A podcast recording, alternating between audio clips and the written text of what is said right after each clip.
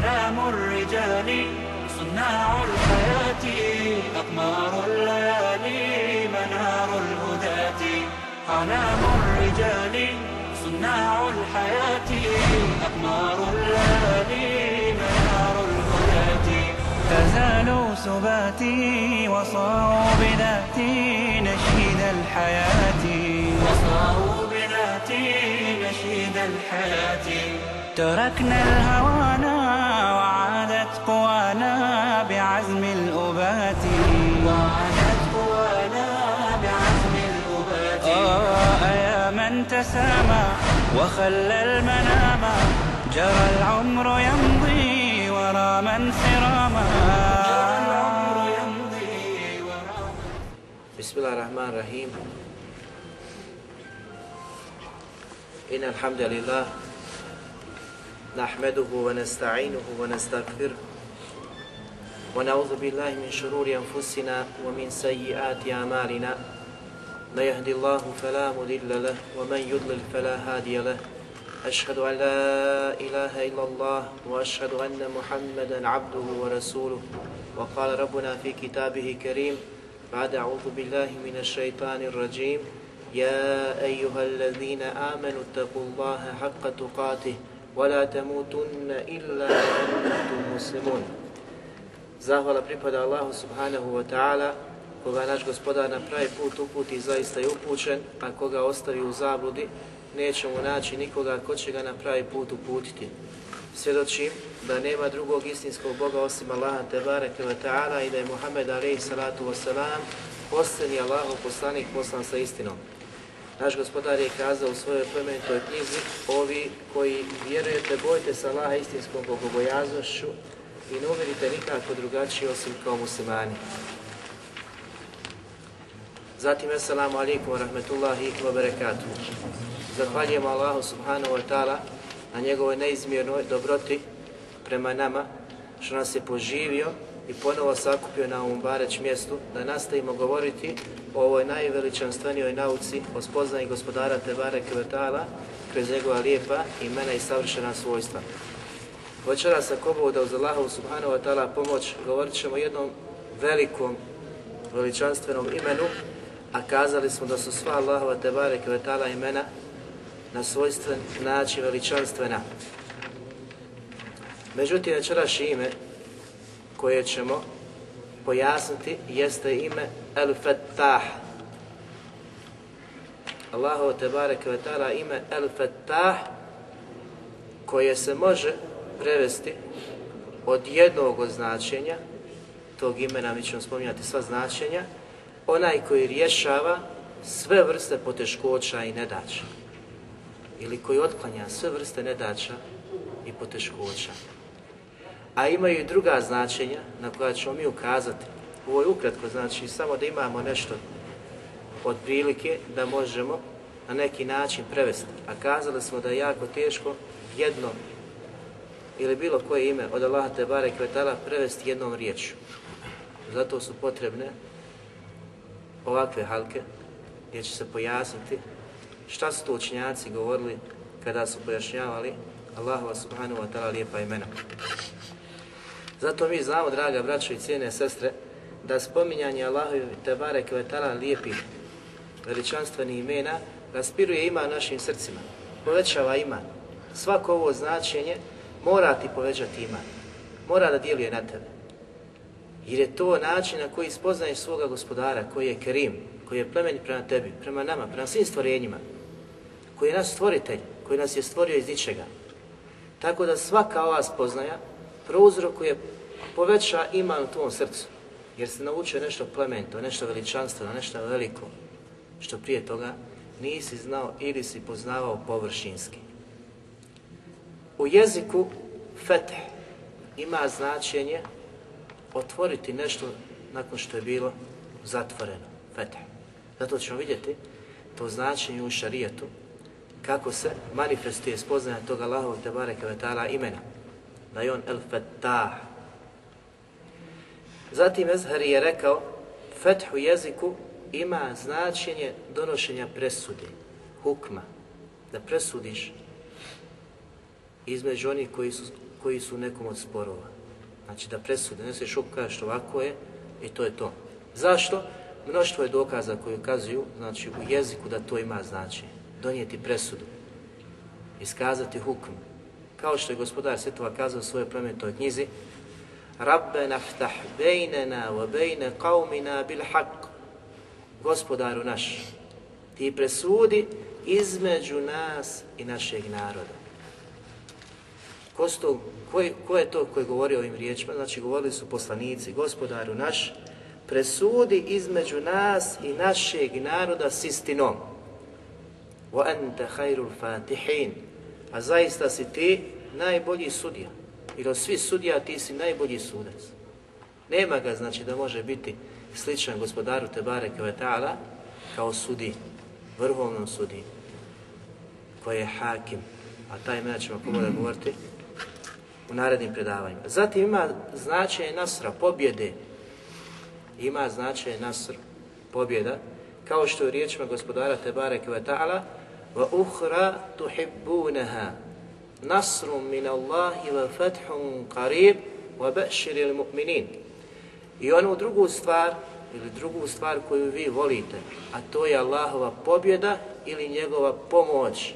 Wa bashiril mu'minin, a ti obraduj istinske vjernike. Znači ovdje vidimo da ima značenje pobjede. I zašto nam je jako bitno? Uvijek svako Allahu te barek ime jako bitno se zna kako je značenje jeziku, a nakon toga prelazimo u drugo značenje, u značenje kada se odnosi na Allah te Zatim ima značenje traženja pomoći. Ima pobjeda, a ima traženje, traženje pomoći. Od gospodara Tebare Kao što kaže gospodar svjetova, in tastaftihu faqad ja'akumul fath.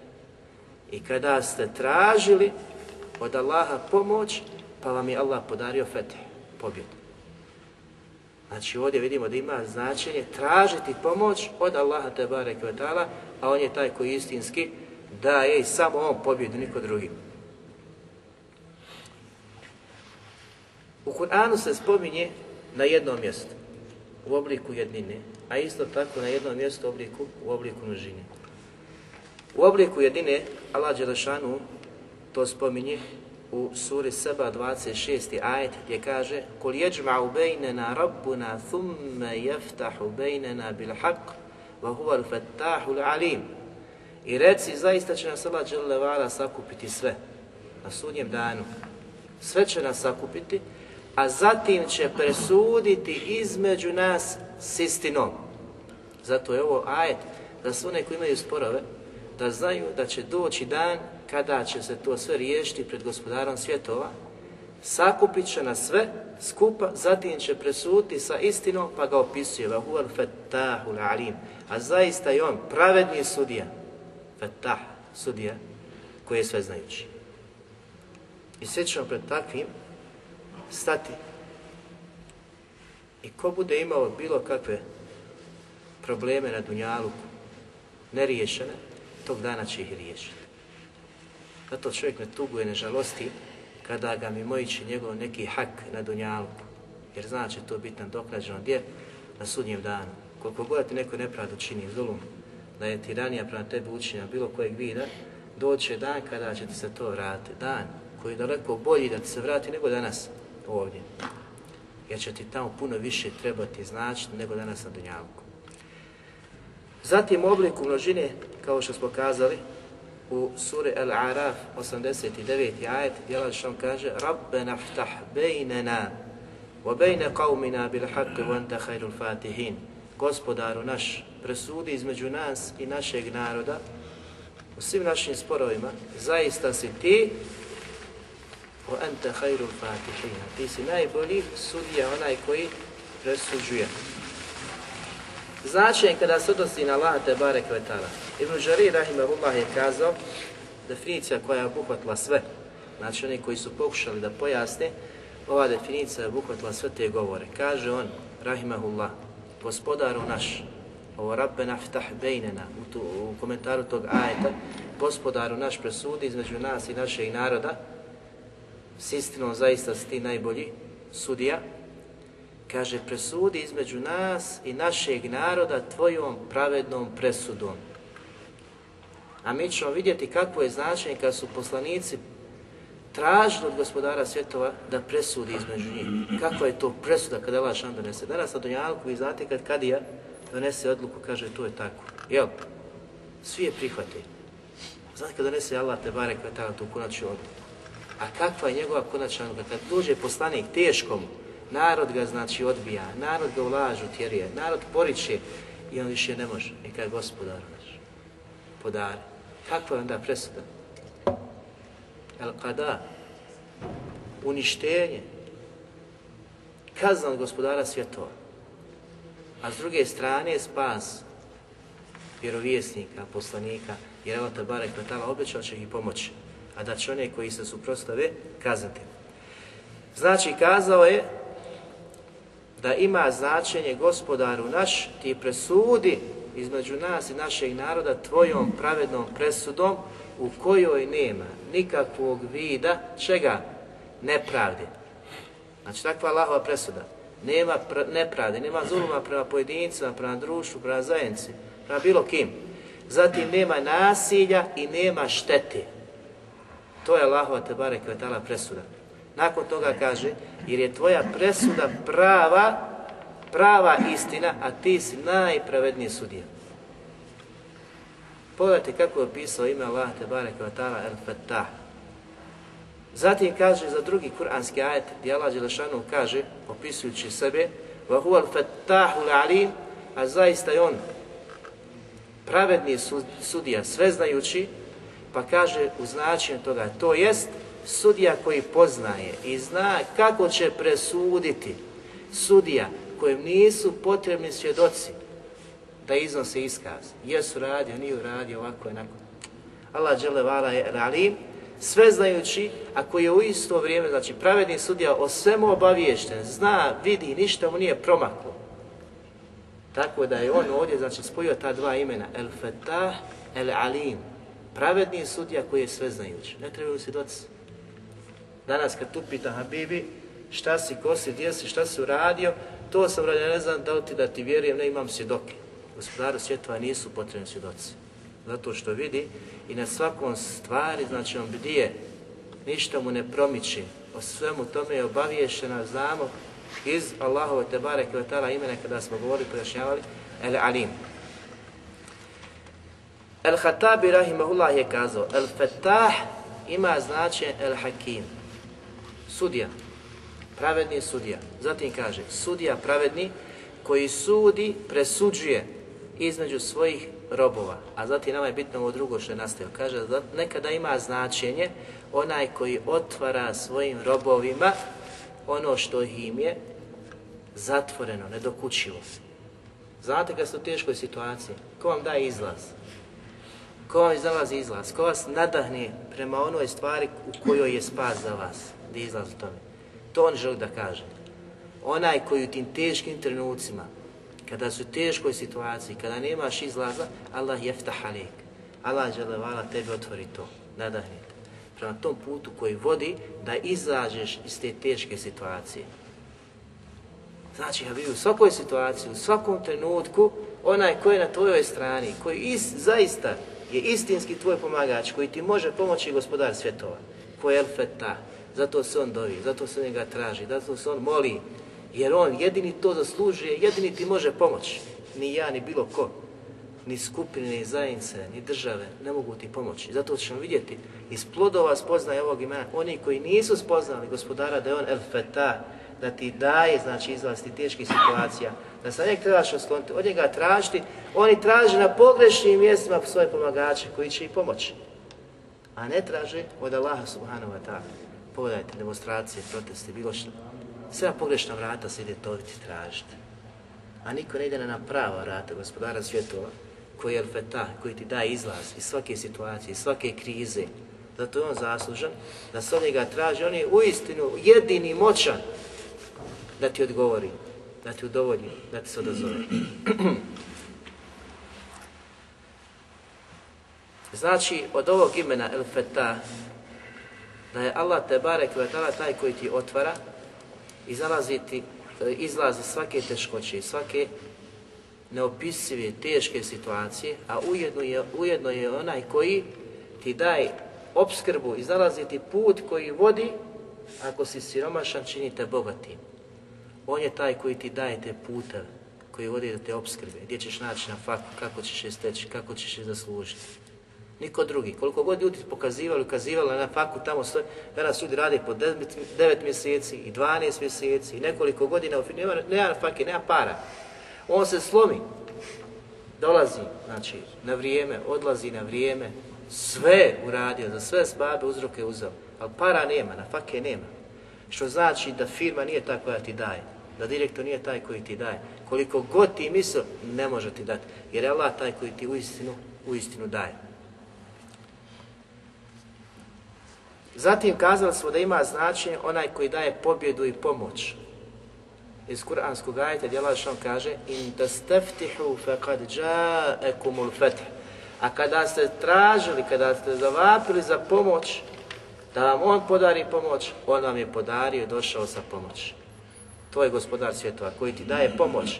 I kada si u borbi i u bilo kojoj drugoj situaciji, on je taj koji ti jedino može, jedino može pomoći. Tako da iz navedenih ovih definicija i ovog govora od imama Ibn Đerira Taberija, od Hatabija i drugi, ovo što smo naveli isto tako sličan govor ima, e, šeha Sadija, možemo zaključiti sljedeća značenja po pitanju značenja kada se odnosi na Allah Devare Kvetala. Prvo, pravedni sudija koji presuđuje između svojih robova, Znači pravedni sudje, el je značaj pravednog sudje koji presuđuje između svojih robova s istinom. Znači s istinom. Drugo, onaj koji rješava sve probleme, sve teškoće, otvarati svaku tvoju tešku situaciju, ono što je nedokučivo, on ti čini da je dostupno, da je dostupno. Zatim onaj koji ti pruža pomoć i svim drugim robojima jer od njega Tebare Kvetala dolazi pomoć i tu pomoć Nasr je pripisao sebi. Da pomoć istinska i pobjeda istinska dolazi samo od Allaha, ne od nas pojedinaca, ne naših grupa, ne naše snage. Jer kada su se muslimani jel, zadivili svoje snazi i moći i broju, ta su izgubili na Huneinu na početku, na kraju Allah Tebare Kvetala im je ponovo dao, dao pomoć.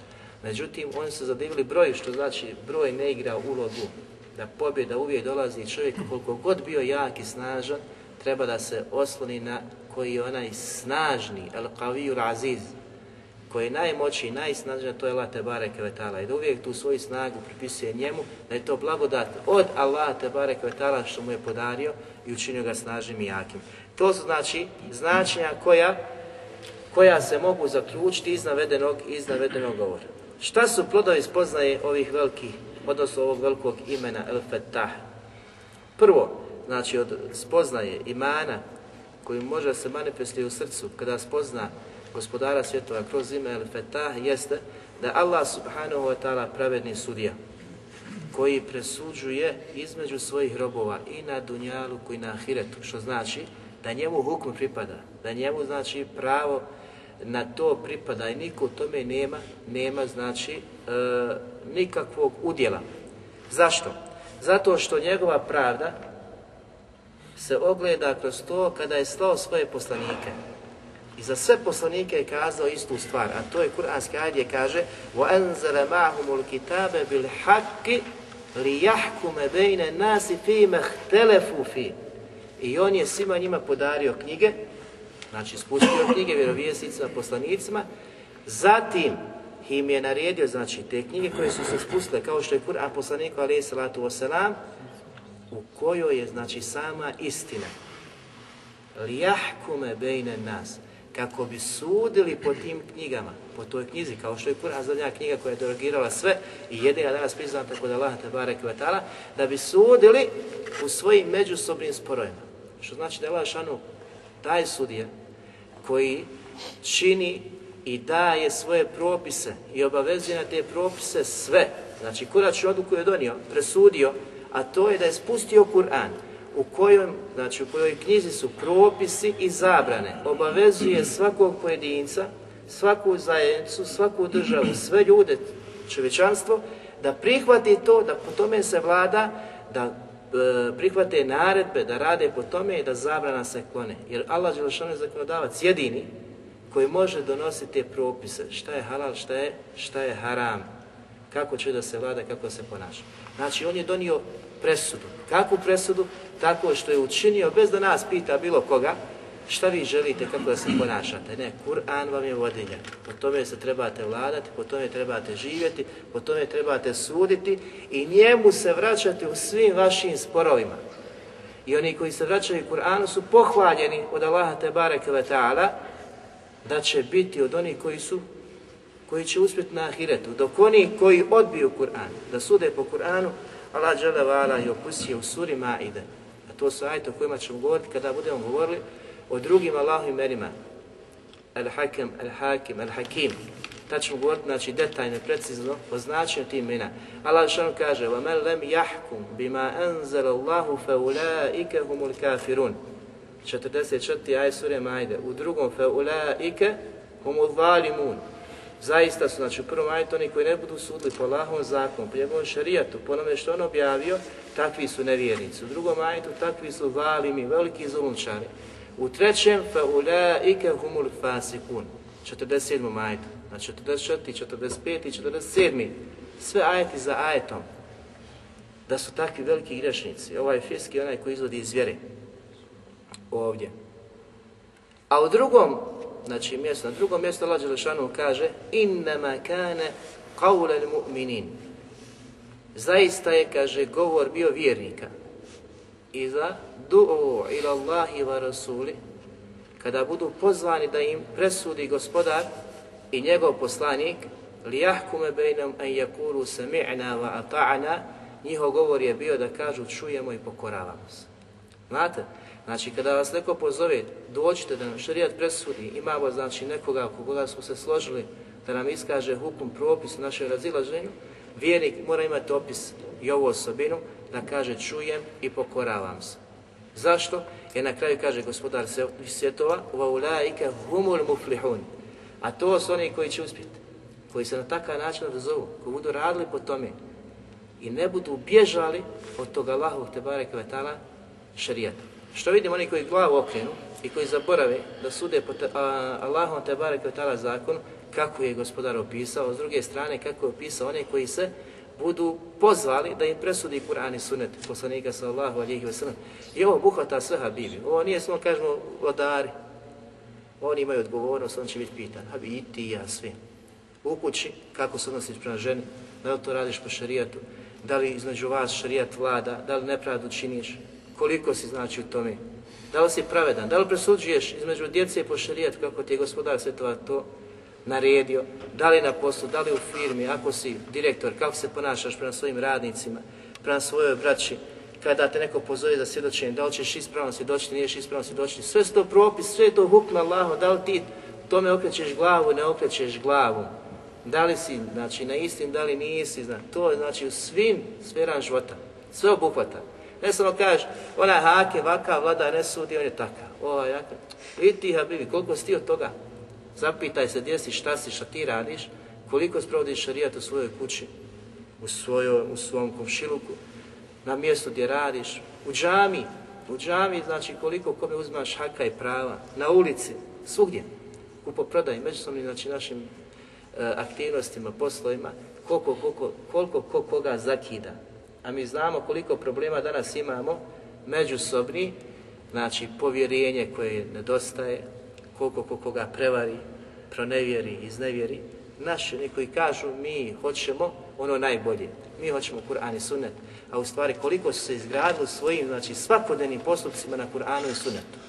Nego ove ajete se bacamo samo stranu kažemo onaj vladar, vladar, gdje smo mi u tome? Allah što nije samo za vladare. U osnovi ovi ajeti kada su objavljeni, objavljeni su za nevjernike za nevjernike, znači za njihove vladare. A mi ćemo ako Boda govoriti šta su činjenici kazali, šta je u kom trenutku vladar kakav je, da li ima nekada opravdanja, da li nema opravdanja i to ćemo vidjeti sa preciznim onaj, govorima učenjaka ako Boda. Zatim, drugi plod. Poslanici iz navedenih ajeta vidimo da su tražili da Laha Tebare Kevetara da im presudi između njih i njihovih naroda tražili su taj, znači, feth od Allaha te bareke, te bareke ve ta'ala. Pa vidimo Nuha alaihi salatu wasalam, kada je kazao, kale rabbi inne qavmi kezzabun, Gospodaru moj, zaista me moj narod poriče, poriče ono sa čim ja dolazim. Ulaž me utjeruje, negira ono sa čim sam ja došao. Pa zatim dovi gospodaru svjetova, فافتح بيني وبينهم فتحا ونجني ومن معي من المؤمنين i kaže presudi između mene i njih presudom, fethan, od feth, presuda, između mene i njih i sačuvaj me i sve one koji su povjerovali, znači ono sa čim sam ja došao. On je tražio, na, kraju, kako se gospodar sve to odazvao, vidjet ćemo na kraju, znači, posle par primjera. Tražio da Allah te kvetala feth presudu. Da presudi između njega i njegovog naroda. Zatim Šuajb, alaih salatu wasalam, je kazao Rabbena ftah bejnena wa bejne qavmina bil haqqi wa Gospodaru, presudi između nas i našeg naroda s istinom, zaista si ti najbolji sudija. Znači, sa tvojim sudom se mi slažemo. Ti si najbolji. Na kraju gospodar svjetova opisuje da su svi vjerovjesnici dozivali gospodara da presudi između njih i njihovog naroda, oni koji su lažu tjerivali. Pa kaže وَسْتَفْتَهُ وَهَابَ كُلُّ جَبَّارٍ I svi poslanici su pomoć tražili presud od gospodara svjetova, pa onda gospodar kaže ovdje وَهَابَ كُلُّ جَبَّارٍ عَنِيدٍ Tada su nastradali svi oholnici i sve inađije. Što znači da Allah se odazvao dovi i da je presudio presudom, hukmom između njih i njihovog naroda tako što je sve one koji se suprotstavili vjerovjesnicima kaznio žestokom kaznom. Razumijete? Znači oni su tražili ovdje fet presudu, a presuda Allaha je bila znači da će kazniti one koji se suprostave, suprostave vjerovjesnicima. Zatim sljedeća, sljedeća korist i spoznaja iz ovog Allahov Tebare Kvetala imena Al-Fatah, da je uzvišeni Allah je Kvetala pravedni sudija, koji će pravedno presuditi u svim sporovima njegovih robova na sudnjem danu, u svemu onome u čemu su se oni razilazi na dunjalku.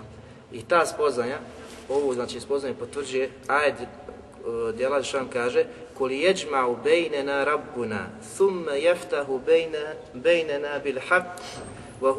al alim. sve će nas gospoda, naš sakupiti znači koliko se god mi razilazimo mi naš narod mi i oni drugi narodi nacije svi mi tvrdimo neku istinu mi da smo na istini oni da su na istini mi se razilazimo znači između nas postoje nesuglasice Allah Allah će nas sve sakupiti na sudnjem danu zatim će presuti između nas i svi oni sa kojima se mi razilazimo sa istinom, sa istinom.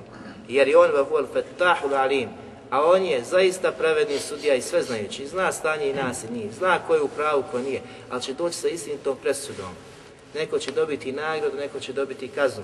Nagradu će dobiti oni koji su odazvali poziv poslanika koji su slijedili poslanike prije u prijašnjim narodima, a i ovog poslanika Muhameda a.s. posljednjeg, a to je Muhammed a.s.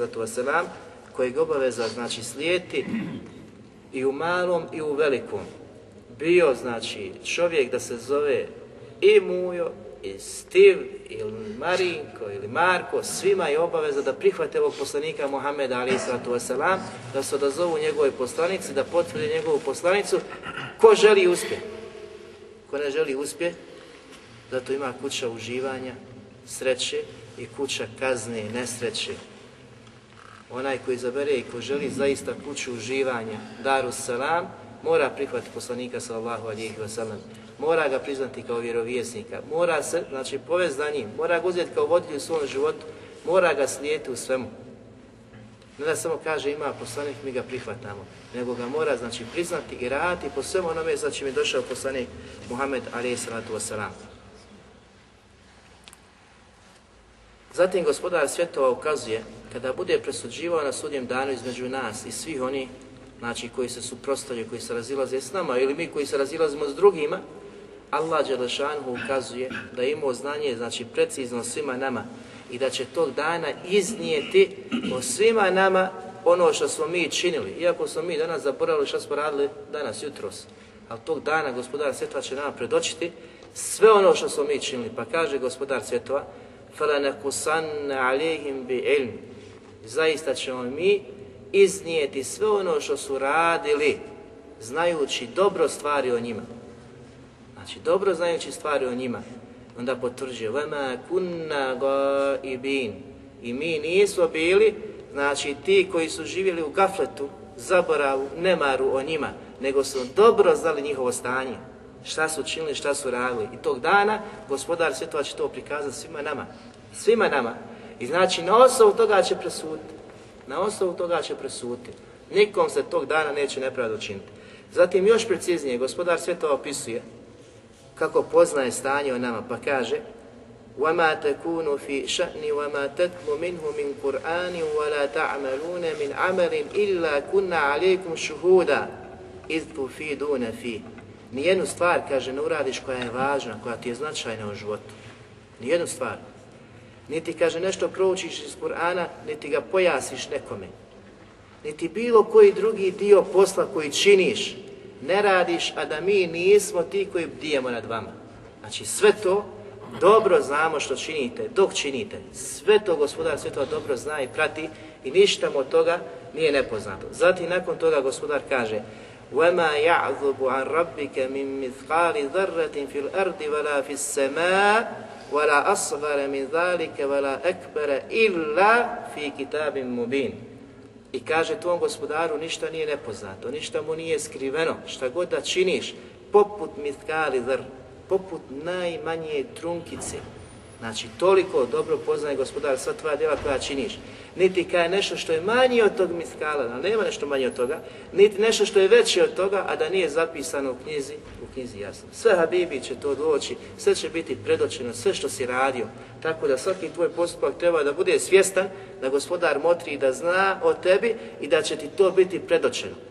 Pa onda se čovjek zapita u kakvom halu, šta bi želio da mu bude sutra predočeno. Da li hajrati ili znači dobra djela, ili da budu predočena loša djela. Svaki od nas pametan, razuman, poželio bi toga dana kada vidi teškoću tog trenutka, da vidi tu knjigu koja je ispisana samo dobrom. Jer mi znamo da toga dana koliko će biti strašan i tegoban taj dan, da će vjerovjesnici se bojati za sebe. Da svi govoriti, moja duša, ja, ja, sam za sebe. Jer će skupine bježati i tražiti poslanika do od poslanika do poslanika, de zauzmi se za nas. Ti si poslanik, ti si Allahov, ti si najdobraniji, ti si otac čovječanstva, Ademu, ali On će da bježi od njih. On će da bježi. Nuh će da bježi. Ibrahim će da bježi. Musa će da bježi. Isa će da bježi. Ko su to poslanici? Najdobraniji poslanici, Ulul Azim. I svi ostali. Znači kad bježe ovi najdobraniji poslanici, četiri od pet, a Muhammed a.s. je peti, kad oni bježe, neće da čuju da mogu, imaju mogućnost da se zauzimaju za druge, neće govoriti ja i samo ja, kako da ja sebe sačuvam ovoga dana. Tada će samo Muhammed a.s. prihvatiti, ne leha, ja sam taj koji se zauzima, ja sam taj koji je šefađija, glavni, najveći šefađija. I on jedini, sallallahu alihi wasallam, će se zauzimati za umet, kao što se je zauzimao i na Dunjaluku, njegov hem preokupacija je bilo u čitavom životu i umeti dova na seždi umetu, dova na kijamu umetu, dova u borbi o umetu. U svim trenucima samo misli o umetu. I tog dana, kada svi drugi zaborave sve druge, poslanik će da opet ima brigu i preokupaciju o umetu, gdje će umet, kako će završiti, kako će okončati. Znači da pripomogne ako bude umetu. Zatim, sljedeći pod. da Allah eh, subhanahu wa ta'ala nazvao sudnji dan jeumal fetih Znači dan sudnji se tako nazvao. Kako Allah Đelešanu kaže وَيَكُولُونَ مَتَا هَذَا الْفَتْحُ إِن كُنْتُمْ صَادِقِينَ I oni govore kada će taj dan, ta pobjeda doći. Govore kome? Pitaju poslanika Muhammeda al-Islam. I smijavaju se s njim. Muhammede, kad ćeš pobijeti nas? Kad ćeš nas pobijeti? A kaže, mi te vidimo, komentar ajta. A mi te, kaže, vidimo da se prikriva, sikriva, sakrivaš i ti tvoji drugovi, kaže, jeli za brda, bojite se da se sukobite kad ćete nas pobijediti, pitaju, znači smijavaju se, vi takvi koji ste nejaki, kad ćete nas svako moći jake pobijediti? Pa Allah subhanahu wa ta'ala pojašava i objašava i spušta ajet u kojem ukazuje kad će ta pobjeda doći. Kaže Allah subhanahu, Kul jevmer fethi la jenfa'u alladine keferu imanuhum. Kaže, dana fetha. Koji je to dan? Sudni dan. Jevmer fethi Taj dan će doći pobjeda i poslaniku i vjernicima i svim onim koji su bili dobri. Tada Lađe Đelešanu će se proživjeti i svima će da presudi. Zatim kaže, la janfa'u fauladine keferu, tog dana neće koristiti onim koji su bili nevjernici njihov iman, njihovo objeđenje. Svi kad budu proživljeni, zamislite koja će to biti, koje će to biti ubjeđenje u istinu. Sunce kad izađe na Dunjaluku sa zapada, svi će povjerovati. Znači sunce danas izlazi sa istoka, tog dana, veliki preznak sunje dana, kad izlazi sa zapada, svi ljudi će kazati istina, halas, svi vjerujemo. Međutim, da li će im koristiti iman? Neće, jer je poslanik sam kazao, iman se prihvata, pokajanje se prihvata do duša, ne dođe, jel? Ono da izađe iz grla. I onaj trenutak kad se pojavi sunce sa zapada. Tad ne pravi. Svi, će ljudi tad povjerovati. Gdje si bio prije? Jer iman u gajbi je nešto najveće. Najprva prva spoznaja Elazine ju'minune bil gajb. Oni koji vjeruju u gajb nevidljivo. To je prvi opis pravi iskrenih vjernika. Jer ovo sve što Allah šan kaže u Kuranu, to je sve gajb. Ne vidio, vjeruješ u ono što nikad nisi ni vidio, ni čuo, ni vidio. Ali vjeruješ, moraš da vjeruješ. I to je iman koji te čini vjernikom. I to je u srcu. To je u srcu.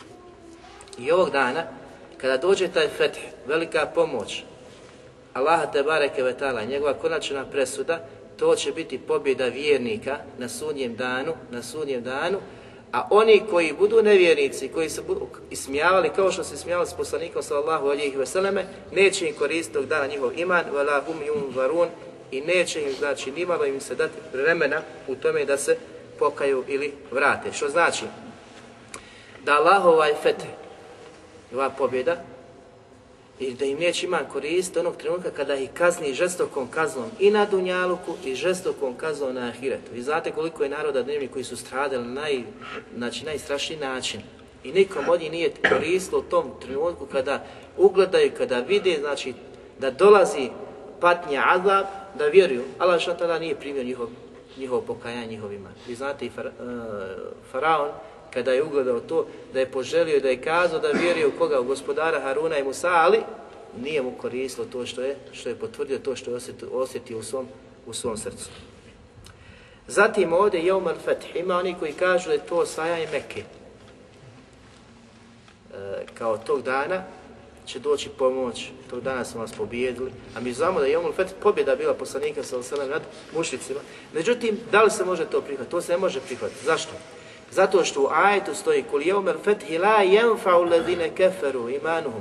Tog dana jeumel fetha, kada dođe ta pomoć, kada dođe pobjeda, eh, Allah subhanahu wa ta'ala koja će biti data vjernicima nad nevjernicima neće koristi iman nevjernicima u tom trenutku jer će povjerovat neće im koristiti. A mi znamo da stanovnici Mekke prihvatili din i da je poslanik sa svojom njihovo svjedočenje prihvatio što znači da se ne može uzeti i kazati da ovo se misli fet, da je fetfu Mekke i osvajanje Mekke ni u slučaju.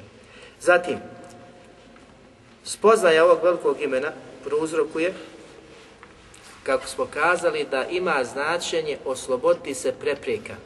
Osloboditi se prepreka ili stvari koje su nam zatvorene da postanu otvorene. To je fet. I koji dolazi od Allaha, znači. Mi danas koliko puta se zadesimo u nekoj teškoj situa situaciji u kojoj nema izlaza. Pomisli čovjek nema izlaza. Ali dovo mu Allah te barek i oslon se na Allah vala, Allah Žešan ti otvori, olakšati, ti, iznađe ti situaciju. Koliko teških situacija, pogotovo čita čitav život je težak. Jel? I u svakoj toj situaciji nađeš gospodara te barek ti pomaže, da ti otvara. Jer nema ko drugi da ti pomogne osim. Koliko god ljudi se onaj ovaj, sakupi, da ti poželi dobro, ti pomognu, neće ti pomoći osim onoliko koliko Allah odredio. Što znači, fet dolazi od Allaha i daje preko ljudi. Zato ko ne zahvaljuje ljudima, ne zahvaljuje Allahu, što se vraća, a govorit ćemo o tom imenu, da je šakir istinski kome je zahvaljuješ Allah Đelešanu. Jer je on počinio te ljude, tu čine dobro.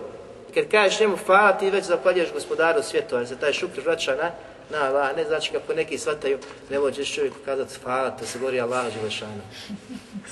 Ko ne zahvaljuje a ljudima ne zahvaljuje Allahu, zato što ti obaveza kažeš hvala ti.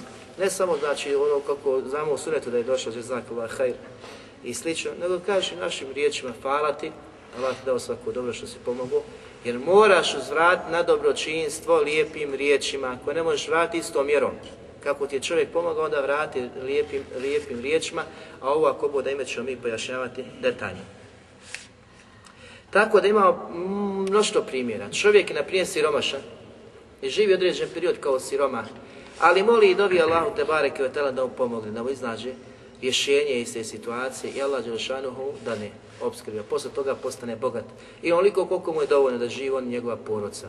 Jer Allah Đelšanuhu kaže وَمَنْ يَتَّقِ اللَّهَ يَجْعَلَهُ مَحْرَجَ Onaj koji se bude istinski Allah te kevetala plašio, bojao, strahovao, Ko bude imao bogobojazno u svom srcu, Allah subhanahu wa ta'ala obećava da će on dati izlaz iz svih situacija.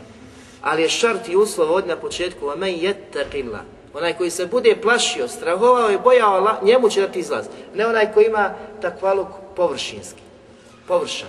Ja ono jezikom potvrđujem, bojim se, strahujem od Allaha subhanahu wa ta'ala u stvari svojim postupcima on pokazuje i potvrđuje suprotno onome što gospodar svjetova traži od njega. I onda očekuje da mu Allah šan podari izlaz. Allah daje obećanje će dati izlaz onome ko bude zaista se plašio Allaha. Nekada su u tom iskušenju da vidi Allah šan kakav ćeš. Jer možeš biti dobar vijenik i potrefi iskušenje, spusti se iskušenje i ti u tom iskušenju ne ozabila padneš. Kažu, onaj čovjek je, kaže, šehid, pogledaj kako je hrabar, kako je ustrašen. sjećate se one bitke. I posvjedoče mu dobročinstvo, dobrotu i ovog i onog svijeta. Kaže, poslanik, on čovjek govorite? A on tamo već razbija mušike sabljom. Kaže, onaj tamo kako je hrabar, neustrašan. Kaže, poslanik, kaže, hu finar, on je u vatri. On je u vatri. Šta se desilo s tim čovjekom?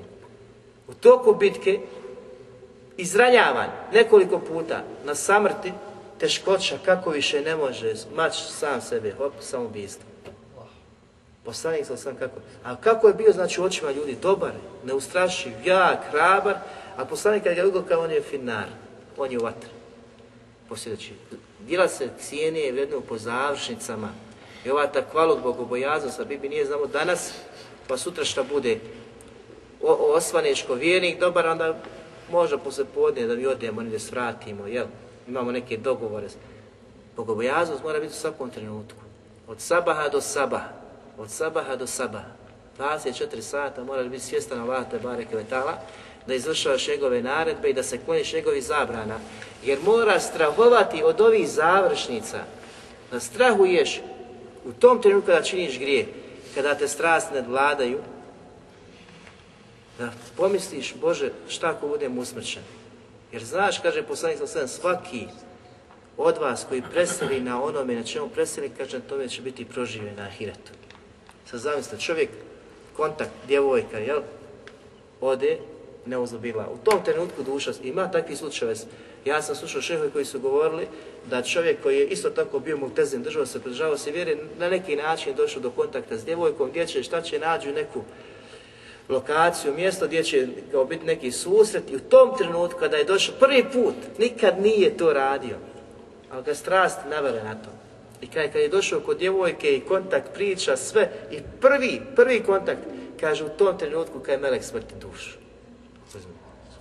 Bio dobar, i zato, zato što su obistila riječ poslanika sa selem, od vas će raditi, bit će od onih koji će raditi djela stavnika dženeta, pa će doći laka do, do dženeta, pa će ih preteći knjiga stavnika Dženema. Znači da će raditi loša djela stavnika Dženema, pa će mu Allah u tom trenutku uzeti dušu, pa će biti bačen gdje su stavnici Dženema. S druge strane, kada rad će čovjek loša djela od stavnika Dženema, pa će doći samo laka jedan do, do, pa će ga preteći knjiga dobra dženetlija, pa će uraditi, pokajat se vrate, lažeš, neće raditi puno uradit vrlo malo i onda će ući u Poput onoga sahaba kada je došao rekao poslaniku, hoće da se pokaje da se vratim lahu, da prihvatim znači, taj din sa kojim si došao. Kaže poslanik sa osalam, kaže šehad, to izgovori šehad, bitka počne, kaže uđi bitku, sablju isuće, ubiju ga, dođe poslanik iza njega kada je malo je radio, puno je zaradio. Znate, znači nije obavio ni jednu seđdu, ni jednu seđu nije pao gospodarstvo. Samo je izgovorio istinski iz svog srca. šehadit, poslanik sa potvrdio šehadet kao šehid. To je najveći stepen da čovjek preseli na dunjalu kao šehid. On subhala je preselio kao šehid, nije seždi učinio. Što znači Allah šan okreće srca kako hoće u njegovoj su ruci, dobrotu on vidi, zna, zna kakvi smo, zna koliko se trudimo. Onaj ko se bude trudio i želio da ukonča kao dobar, Allah će ga pomoći. Kaže poslanik sa osrna ko bude žudio i želio susred sa Allahom, Allah žudi susred s njim. Onaj ko bude preziruo i mrzio susred sa gospodarom, Allah preziri suse s njim. Znači mi vidimo smo šta smo i trebamo da se pripazimo, kako ćemo početi da se plašimo, plašimo toga. Zatim, pobjeda i pomoć dolaze samo od Allaha i ovo je jako danas bitno da vjernik muslima zna, da čvrsto vjeruje, da pomoć dolazi samo od Allaha i da pobjeda dolazi samo od Allaha. Nema stvorenja, nema ljudi, nema zajednica, nema alijansi, nema nikoga ko ti može, Habibi, pomoći mimo tvoga gospodara plemenitog. U njega se trebaš uzdati, na njega osloniti, od njega tražiti i onda uspjeh dolazi, dolazi nakon, nakon toga. Allah Đelešanu kaže poslaniku koji je bio opkružen sa najneustrašivim lavovima To su sahabi, najneustrašiviji, nikad se neće pojaviti u umetu borci kao što su bila sahabi poslanika sa Ali pored svega toga što je bio opkružen sa Omerom, Ebu Omerom, Osmanom, Alijem, Talhom, Zubeirom, svim ostalim najhrabrijim, najmoćnijim ashabima koji su bili u tom vremenu znači šprimnu din, Allah Đelešanu kaže Inna fetahna leke fethem mobina Mi smo ti dali, mi ćemo ti dati pomoć i mi ćemo ti dati pobjedu. Ko? Allah Đelešanu. Što je pripisao pobjedu sebi.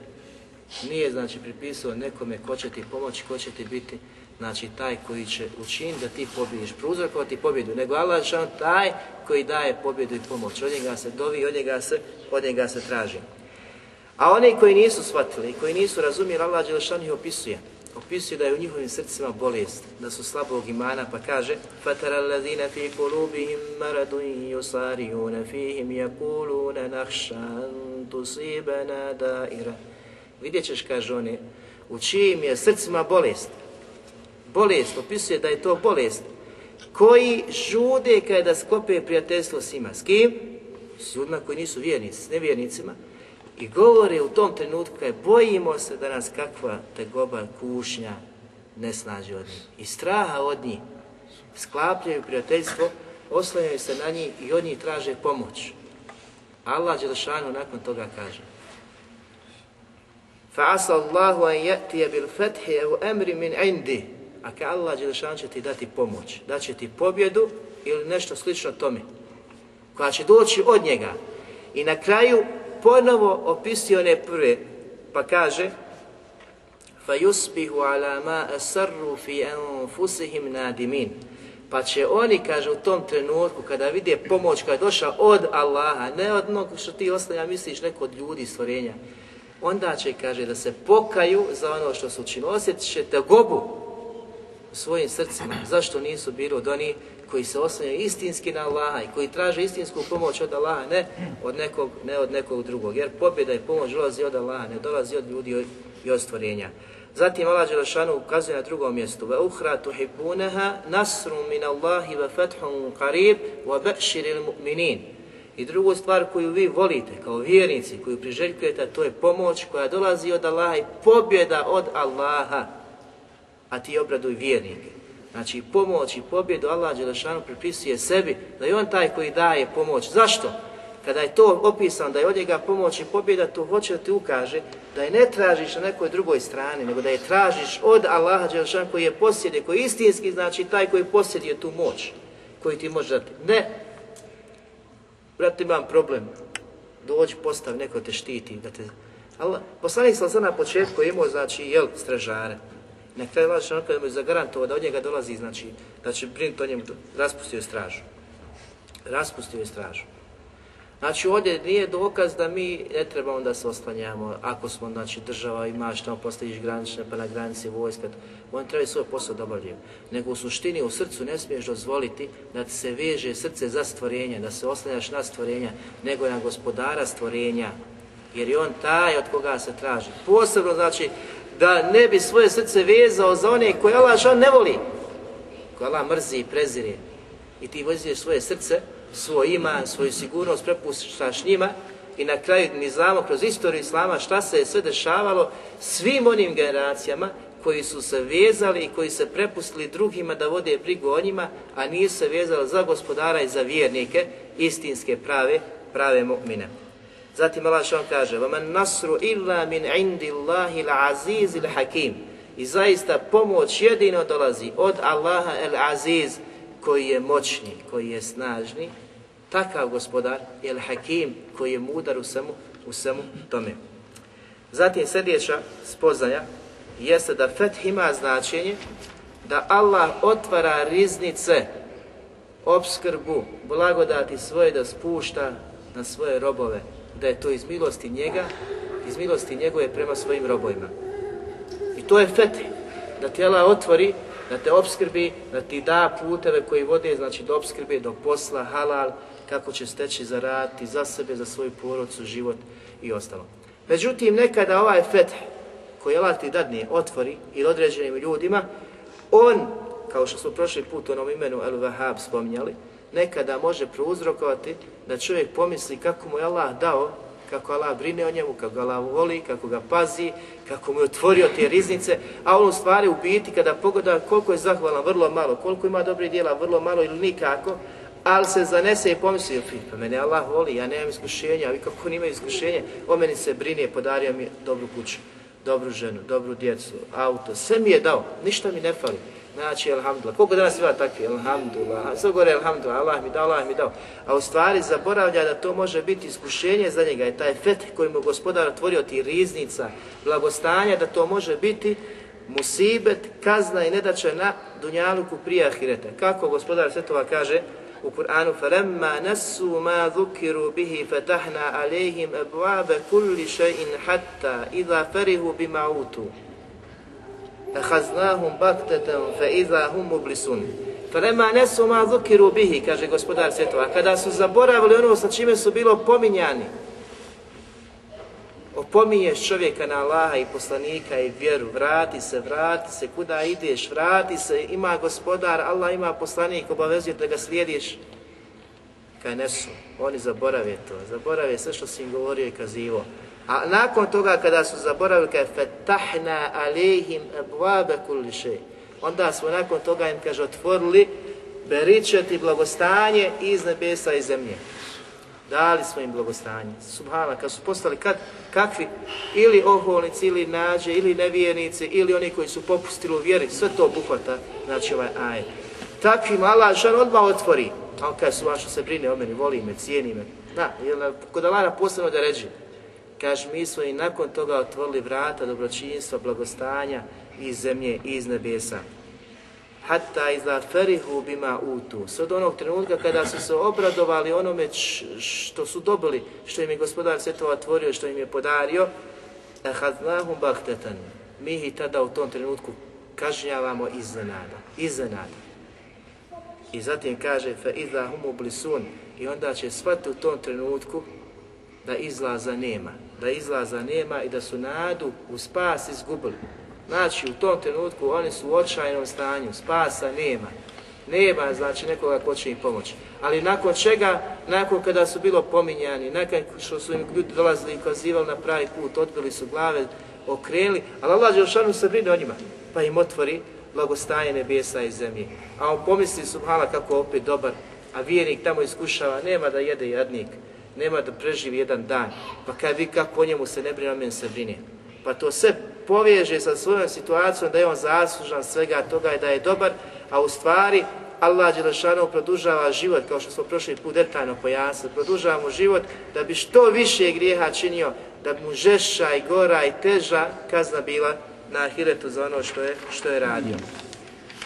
Zatim sljedeći plod jeste da feth označava Allahovo subhanahu wa ta'ala otvaranje i darivanje milosti, znanja i ne samo milosti i znanje, nego to znanje da zna kako koristi, Danas imaš puno ljudi koji imaju puno znanja, ali kad dođe onaj detalj, onaj moment kada on treba to znanje da spusti, da po njemu presudi, da on, znači, po onom što zna, da kaže ovako radi, to čini, nema ga. Znači, ta mudrost, Allah Đelešanu daje i otvara taj fet, to znanje u tom dotičnom trenutku, da znaš kako to znanje spusti, kako to oružje koristiti. Imaš čovjeka, ima pušku, najmoćniju, najbolju danas, međutim šta će rukava čovjeka koji ne zna to koristiti? I znanje, čovjek ima znanje, ali ga ne zna koristiti. Ne, ne zna rukovati s njim. Zna to znanje, ali nema nikakve koristi. Znanje ovdje, znači Allah što daje taj fet takvim ljudima da zna koristi i da mu mudrost kako je nekada u tom trenutku, nekada je mudrost da ne kažeš čovjeku nešto što bi trebao kazati. Da prešto, to je mudrost. A nekada i mudro da kažeš u tom da to, obaveza da kažeš, a ti onda koristiš to suprotno, kažeš neću ovako. Znači ovdje je potreban fet. i e, vidjet ćemo jedan super primjer iz života ashaba pitanje toga. Allah ukazuje da je on taj koji daruje, daruje taj fet ljudima isključivo u odmjeru njihove bogobojaznosti, takvaluka. Zašto? Allah Đelešanu kaže وَتَّقُ اللَّهَ وَيُعَلِّمُكُمُ Allaha وَعَلَا se plašite i strahujte i bojite i on će vas podučiti. I on će vas podučiti, dat će vam znanje, podarit će vam znanje. وَاللَّهُ bi شَيْءٍ عَلِيمٍ Allah je sve znajući, o svim stvarima ima i posjeduje znanje. Ovo ne znači اللَّهُ bojte se Allah, pa će vas Allah podučiti da sjediš u kući i čekaš kad će te Allah podučiti, a ti se bogobojazan. Nego ovo znači da ti uzmeš esbabe kao što su, znači malo primjer, ashaba, da su svakodnevno se družili sa poslanikom sa selam, slušali od njega, pitali, pri, očekivali kada će doći kakav beduin iz da on više pita pa da čuju. Znači uvijek su se družili, uvijek su čekali i očekivali. Generacije koje došle nakon njih tabini, od njih uzimali Ibn Abbas, dan i noć mu kuća bila otvorna, grupe ulazile, izlazile, tefsir podučavali. Prenosilo se znanje, učilo se znanje i znači na takav način do znanja dolaziš učenjem, E, sjedenjem, slušanjem, danas imaš mnogo više znači, e, načina na koji možeš doći preko kaseta, CD-ova, preko interneta, preko knjiga, preko daja, preko šehova, ali danas je otvoreno subhala koji što nikad do nije otvoreno, zajedno se sakupi i da se dođe do znanja. A opet kada pogledamo, koliko nam je potrebno razumijevanje tog znanja. Koliko smo mi daleko. Zašto? Zato što nemamo bogobojaznosti. Jer ova bogobojaznost kada je bila u srcima SHABA to je učinilo da budu najučeniji, najbolji. I neće se pojaviti generacija posle njih koja je učenija i bolja i da bolje poznaje i da razumije vjeru od njih. Jer su imali takvaluk. Ta bogobojaznost je prouzrokovala, znači ovo znanje da ima beričeta u njihovim postupcima, njihovim dijelima, gdje god se okrenu je, znači, vađala mu bare kina inema kuna, učin nas da budemo onaj, ta, koji će davati beričati svojih djela i pospoga gdje god da se nađemo. To su bila sahaj poslanika sallallahu, sallallahu alihi sallam. Zatim gospodar svetova kaže Efe men šaraha Allahu sadrahu lil islami fe huva ala nuri mi rabbi. Zar je isti onaj kome Allah otvori prsa i raširi njegova prsa, njegove grudi, prema islamu, znači da zavoli islam, da unadahni islam, da voli islam, da primi islam i da on radi po nuru, po uputi gospodara svoga. I oni koji nisu takvi, znači čija prsa nisu proširena, nisu raširena, nisu nadahnuta, ne voli islam, nisu takvi nikada isti. I onda kaže gospodar svetova, lil ti قُلُوبُهُمْ مِنْ ذِكْرِ A teško svakom onome čije je srce grubo nije osjetljivo kada se Allah dželevala spomene. Teško takvom srcu kada se kaže Allah, boj se Allah, on duša, ništa, ko da ništa nije čuo. Teško je takvo, to su srca znači koja su okorjela, koja su gruba, teška, do njih nema tog nura, nema svjetlosti koja su opisana srca vjernika, pravi, plemeniti, iskreni vjernika. Kad mu kažeš boj se Allah, on su jezda ga obuzme. Jezda ga obuzme, šta sam mu radio, šta sam učinio. Zaboravio, ne znam možda što je učinio. Ili zna pa je svjesna pope pa i kaže, su šta sam učinio, prepadne se, pa mu ti kaže savjet, danas sam svega toga nedostaje. Zatim kaže, ulajke fi dalalim mubin, zaista su takvi čija srca takva gruba i osurna, koja ne prihvataju savjet i uputu i slično, oni su u velikoj očitoj zabludi. Imam Kurtubi u komentara ovoga, u ovoga, znači ajeta, kaže sljedeće, nama je to jako bitno. Kaže ovo proširenje, otvaranje grudi koje dolazi znači ovdje, kome Allah želi znači hajr, njegova prsa proširi. Kaže, ovo je nešto što je neograničeno, nema granica. U tome ima udjela svaki vjernik, a najviše u tom nuru, u toj uputi i radu po tome imaju ko vjerovjesnici. Vjerovjesnici, nakon njih kaže evlije, nakon njih učenjaci, a nakon učenjaka svaki običan vjernik. Ima učešća u tome. Osim, kaže, oni koji su nevjernici. Takvi neće bludnost osjetiti. Takvi neće osjetiti rahatluk u prsima. Takvi neće osjetiti ovaj nur, niti rad po ovoj uputi gospodara, gospodara njihova. Primjer iz života ashaba, kome je Allah šan podario hikmet, mudrost i kako to znanje koje posjeduju, na koji način ga prezentirati, kako se manifestuje to je zaista od Allaha te barek veliki dar. Vi znate kada je ume zadesla velika nedaća, kada je tama prekrila Medinu, a to su trenuci kada je Allah Đelešanu uzeo najbolje, najplemenitije stvorenje od svih stvorenja. Tada je zadesio veliki belaj i veliki udarac je bio umetu, a to je smrt poslanika ali Velika tama je prekla. Zamislite kada Allah Đelešanu uzeo naj najdragocijenije, najbolje biće. A to je poslanik Muhammed a.s. Najvoljenija osoba za ashabe. I umet nikad neće izgubiti. To je pouka za danas, za svaku situaciju, kada Allah uzma velikane umeta, kada probire velikane umeta, kada nestaju ili učenjaci, ili mučahidi, ili znači roditelji, ili ona draga osoba voljena ostala tebi. Sjeti se da je umet izgubio nešto što je najbolje, što je najdragocijenije, nešto što ga najviše treba neko voliti, cijeniti i poštovati, to je poslanik Ali I da nakon toga neće nestati i neće ova uzeti osobu poput poslanika do sudnjeg dana. Neće se pojaviti znači, najvoljenija osoba, osoba koja se, za koju se povodi, koja se voli i cijeni, koja ti je najdraža u životu kao što je poslanik Muhammed Ali Veselam. Zamislite tog udarca za taj umet u tom vremenu za sahave poslanika sa koji su bili najučeniji i najmudriji i najbolji.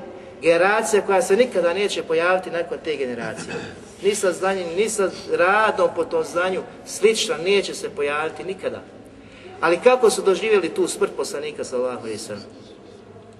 Tako je teško palo njima.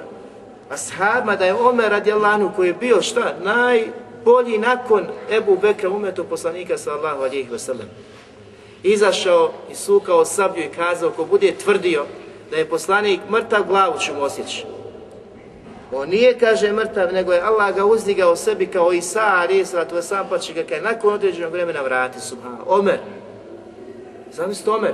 A zamislite sad one ashabe okolo njega koji su vidjeli Omera i silu njegovu veličinu i da tako prijeti i da tako se ponaša prema njima. A svi u tuga, suze, Enes Radjelan kaže, kada je poslanik Ali Islatu samo opisuje Medinu, ko ušao u Medinu, kao opasio u Medinu, ko nikad do tada, takav sjaj, takav nul se pojavio u Medini. Poslanika, a kad je, kad je preselio, kad je tama i tmina je prekrila, kaže Medinu, kao što nikad do tada nije, kaže, prekrila.